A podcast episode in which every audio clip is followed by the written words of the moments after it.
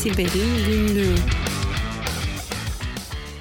Siber'in Günlüğü'nden herkese merhaba. Ben Murat Lostar. Ben Tuğba Öztürk, hoş geldiniz. Bu haftaki haberlerimiz Marriott şaşırtmadı, bilgisayarlardaki güvenlik çipi kırıldı, Instagram pazarı yine mi WhatsApp?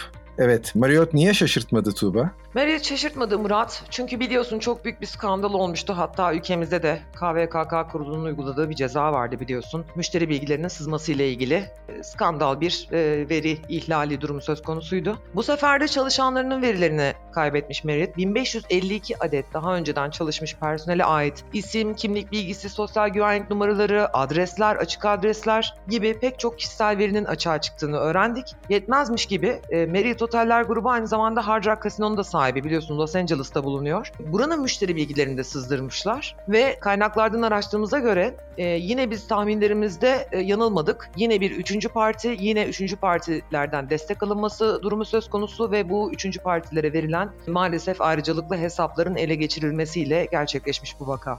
Eh, evet hakikaten şaşırtmamış ne yazık ki Marriott. Ee, biraz ama üst üste gelmiyor mu? Yani ben geçmişte de bakıyorum bazı büyük şirketlerde bir oldu mu sonra üst üste üst üste geliyor. Bunun ilk talihsiz örneklerinden bir tanesi hatırlarsan Tuğba Sony'ydi. Üst üste birkaç kere başına bir şey geldi. Arkasından isim vermeyelim ama bir takım bankaların başına bunlar geldi. Şimdi de Marriott'ta aynı şeyi görüyoruz. Hatta bugünkü son haberimiz WhatsApp için de aynı şeyi söylemek mümkün öyle değil mi? Acaba bu bir tesadüfler silsilesi mi yoksa ilk hack gerçekleştikten sonra herkesin dikkatini çekiyor biz de buraya saldıralım gibi içgüdü mü geliyor saldırganlar tarafından ne dersin?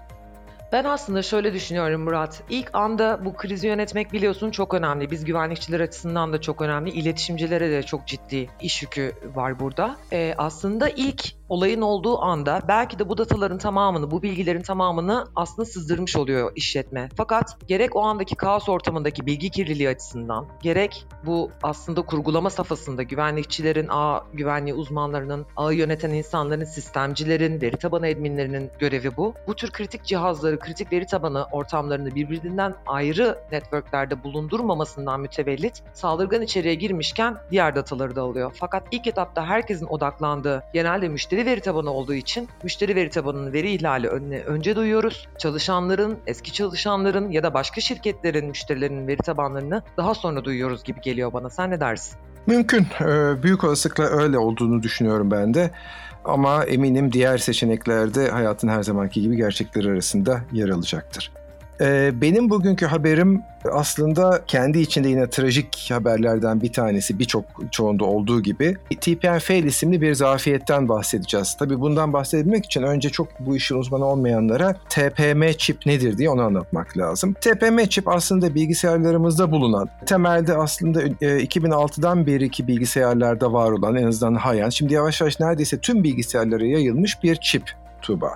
Bu çipin iki tane önemli özelliği var. Bunlardan bir tanesi kendi içinde bir anahtar tutuyor. Dolayısıyla örnek verelim bir hard diski içinden sökersen bilgisayarın bir başka bilgisayara gittiğinde orada açılamıyor. Tabii eğer TPM kullanılarak kriptolandıysa başta. Onun dışında web sitelerini ziyaret ederken VPN gibi kripto ile ilgili işler yaparken o zaman da kendi içinde anahtar e, açma, kriptolama ve anahtar saklama gibi işleri yapan özel fonksiyonlu bir e, CPU, bir çip diyebiliriz. İki tane araştırmacı, güvenlik araştırmacı işte bu TPM çipleri üzerinde bir süredir çalışıyorlar ve iki tane önemli güvenlik açığı bulmuşlar. E, ikisine birden toplamda TPM fail diyorlar ve bu sayede bir TPM içindeki anahtarın çalınması, dışarı çıkarılması bazı durumlarda bir dakikalar içinde, bazı durumlarda da saatler içinde mümkün oluyor. Tabii eğer bir kere anahtarı çalarsam artık ondan sonra o e, cihazla ilgili her tür e, kriptografik işlemi yapmak, almak mümkün hale gelebiliyor gibi son derece zorlu bir süreç ortaya çıkıyor. Buradaki e, şeye de baktığımız zaman farklı üreticiler var e, Tuğba. Bir tanesi Intel her konuda olduğu gibi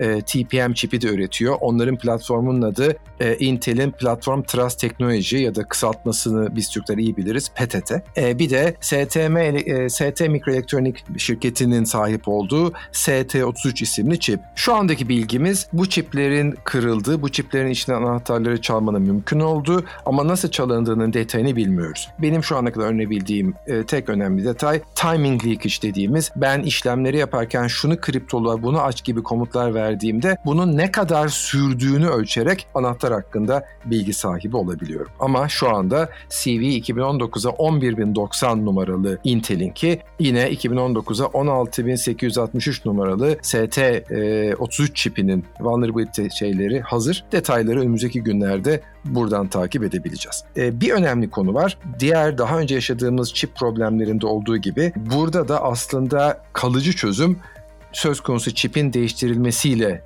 e, mümkün. Tabii bizim bilgisayarımızdaki çipi gidip değiştirme şansımız olmadığı için aslında yeni bilgisayar aldığımız zaman düzenlenmiş yeni bilgisayar aldığımız zaman bunları görüp kullanabileceğiz. Ama o zamana kadar da eminim kullandığımız işletim sistemleri geçici olarak yamalar yayınlayacaklar. O da bilgisayarlarımızın her zamankinden biraz daha yavaş çalışmasına neden olacaktır. Tam da bunu soracaktım Murat. Burada ciddi bir zero day durumu söz konusu olabilir. Dolayısıyla bizim yine üreticilerden ve işletim sistemi tarafındaki işte yamalardan e, takipte kalmak ve güncelleme beklemekten başka sanıyorum şu aşamada yapabileceğimiz herhangi bir şey görünmüyor değil mi? Kesinlikle öyle Tuğba. Burada böyle bir durum var. İyi bir haber diyebileceğimiz konu e, demin bahsettiğim bu açıklıkları bulan güvenlik araştırmacıları akademisyenler ya da akademik dünyanın insanları, saldırgan dünyasının insanları değil. Bunlardan bir tanesi Worcester Polytechnic Institute Amerika'da. E, bir başkası da University of e, Lübnek'te. Hatta bir tane de University of California San Diego'dan da bir arkadaş bu konulara bunlara bu ekibe zaman zaman katılmış. İşte bu bu grup bize çok önemli bir açığı gösteriyor ve onları nasıl kapatılacağı konusunda da bir takım bilgiler bekliyor bize. Ee, enteresan bir durum var. Ee, TPM çipleri çok eski zamandan beri hayatımızdayken aslında bu söz konusu açıklık aslında 2013'ten beri olanlarda daha da Haswell Generation dediğimizde daha da net bir şekilde ortada olduğunu gösteriyor araştırma. Evet teşekkürler Murat bu sıkıcı haberin için. zaman zaman bu programı sunarken kendimi olacak o kadar da gibi hissediyorum. Böyle sana e, ya da dinleyicilerimize işte bizi özleyin anacım bye falan diyesim geliyor. Bugün de kapanışı öyle yapacağım. Sırada benim biraz daha eğlenceli bir haberim var. Instagram üzerine yine. Biliyorsun sosyal medyada özellikle influencer diye tabir ettiğimiz insanlar var. Bunların milyonlar mertebesinde takipçileri var. E, Amerika'daki bir beyaz şapka hacker arkadaş bu konuya bir çare bulmuş. Bu beyaz şapkalı hacker olan e, Juan Diego Perez insanların çalınan Instagram hesaplarını ücretsiz kurtarmaya başlıyor. E, daha sonra influencer olarak takip ettiğimiz internet ünlülerinin akın akın talebinin gelmesi üzerine işi paraya döküyor. E, zorluğuna göre 1500 dolardan başlayan fidyeler isteniyor bu hesaplar için e, normal hackerlar tarafından. Bu beyaz şapkalı hacker arkadaş da hesaba göre bakıyor ortalama 300 dolardan başlayan ücretlerle buradaki hesapları kurtarabiliyor. Eğer e, sizin de böyle bir durumunuz söz konusuysa Google'a doğrudan Juan Diego Perez yazarsanız arama motoru size çıkaracaktır. İletişim bilgileri de internette mevcut. Çalınmış bir hesabınız varsa elde etmek için kendisiyle iletişime geçebilirsiniz diyelim. Teşekkür ederiz kendisine. Sağ olsun bize destek olduğu için daha doğrusu e, hesabını kaptıranlara. E, bugünkü son haberi hızlıca geçmek istiyorum. Biraz bugün uzun gittik. Yine başta da söylediğim gibi ne yazık ki bir WhatsApp haberi. WhatsApp'ın e, sadece Android değil aynı zamanda iPhone'da da e, sadece bir video oynatılarak aslında e, hacklenmesi, hacklemekten de kasıt e, temel bir takım e, güvenlik kontrollerini geçip bilgisayara bir takım kötü niyetli yazılımlar yüklemeye sebep olan bir güvenlik açığından bahsedeceğim. Ee, yeni bir bulgu 2019'a 11931 numaralı CVE bulgusu bu. Ee, bu arada şeyi de söylemem lazım Tuğba. Yani eskiden bir yıl dört hanelerde bitiyordu. Şimdi bayağı işte 11 bin 12 binlere doğru gittik. Tahmin ediyorum yakında iyice 20 binlere varacağız önümüzdeki yıl gibi geliyor bu hızla devam edersek konu. Şimdi versiyonlar burada önemli ama kullandığımız Android'in ya da iPhone'un versiyonu değil, içinde kullandığımız WhatsApp versiyonunu biliyor olmamız ve güncellememiz gerekiyor. Ana fikir olarak son versiyona güncellemek e, yeterli ve önemli. Ama acaba ben burada bir güvenlik kurbanı olmuş muyumdur acaba sorusunun cevabı içinse e, hemen bakmamız gereken şey kendi şu anda versiyonumuz. 2.19'da başlıyor e, şu anda günümüzde kullandığımız WhatsApp versiyonları. iPhone için bakarsak 2.19 100 ve öncesinde problem var. Android açısından bakarsak oradaki sürüm numaraları daha hızlı ilerliyor. 2 2.19 274 ve öncesinde problem var. Android'de e, nasıl buluyoruz sen söyle birazdan Tuğba. iPhone'da versiyonu bulmanın yolu App Store'a girip uygulama e, yerine girip oradan WhatsApp'a girip WhatsApp uygulamasını güncelleme sayfasına geldiğimizde şu andaki versiyonumuz ve de şu andaki mevcut son versiyon gözüküyor. Bugün için baktığımda son versiyon 2.19.112. Demek ki e, eğer sırayla gittiğini varsayarsak 2.19 100 ile 112 arasında bir sorun yok ama 100 ve öncesinde sorun var.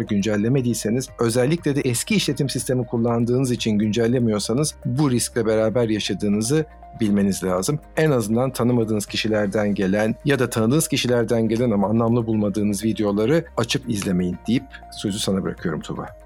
Evet Murat teşekkürler bu bilgi için önemliydi. Android'de de aynı şekilde yine Google Play Store'a gelip mevcut e, sürümün update'ini talep ettiğinizde zaten doğrudan kullandığınız sürüm bilgisine ulaşabiliyorsunuz. E, bu özellik doğrudan WhatsApp'a gelindiğinde maalesef görünmüyor ne Android'de ne de iOS'ta. Dolayısıyla kullanıcılar için önemli. Peki e, o zaman bu haftalık bu kadar diyelim mi Murat? Bir de bizi özleyin anacım bye diyelim. Peki ben her zamanki gibi izinle güvenli haftalar, güvenli günler. Hoşçakalın. Hoşçakalın.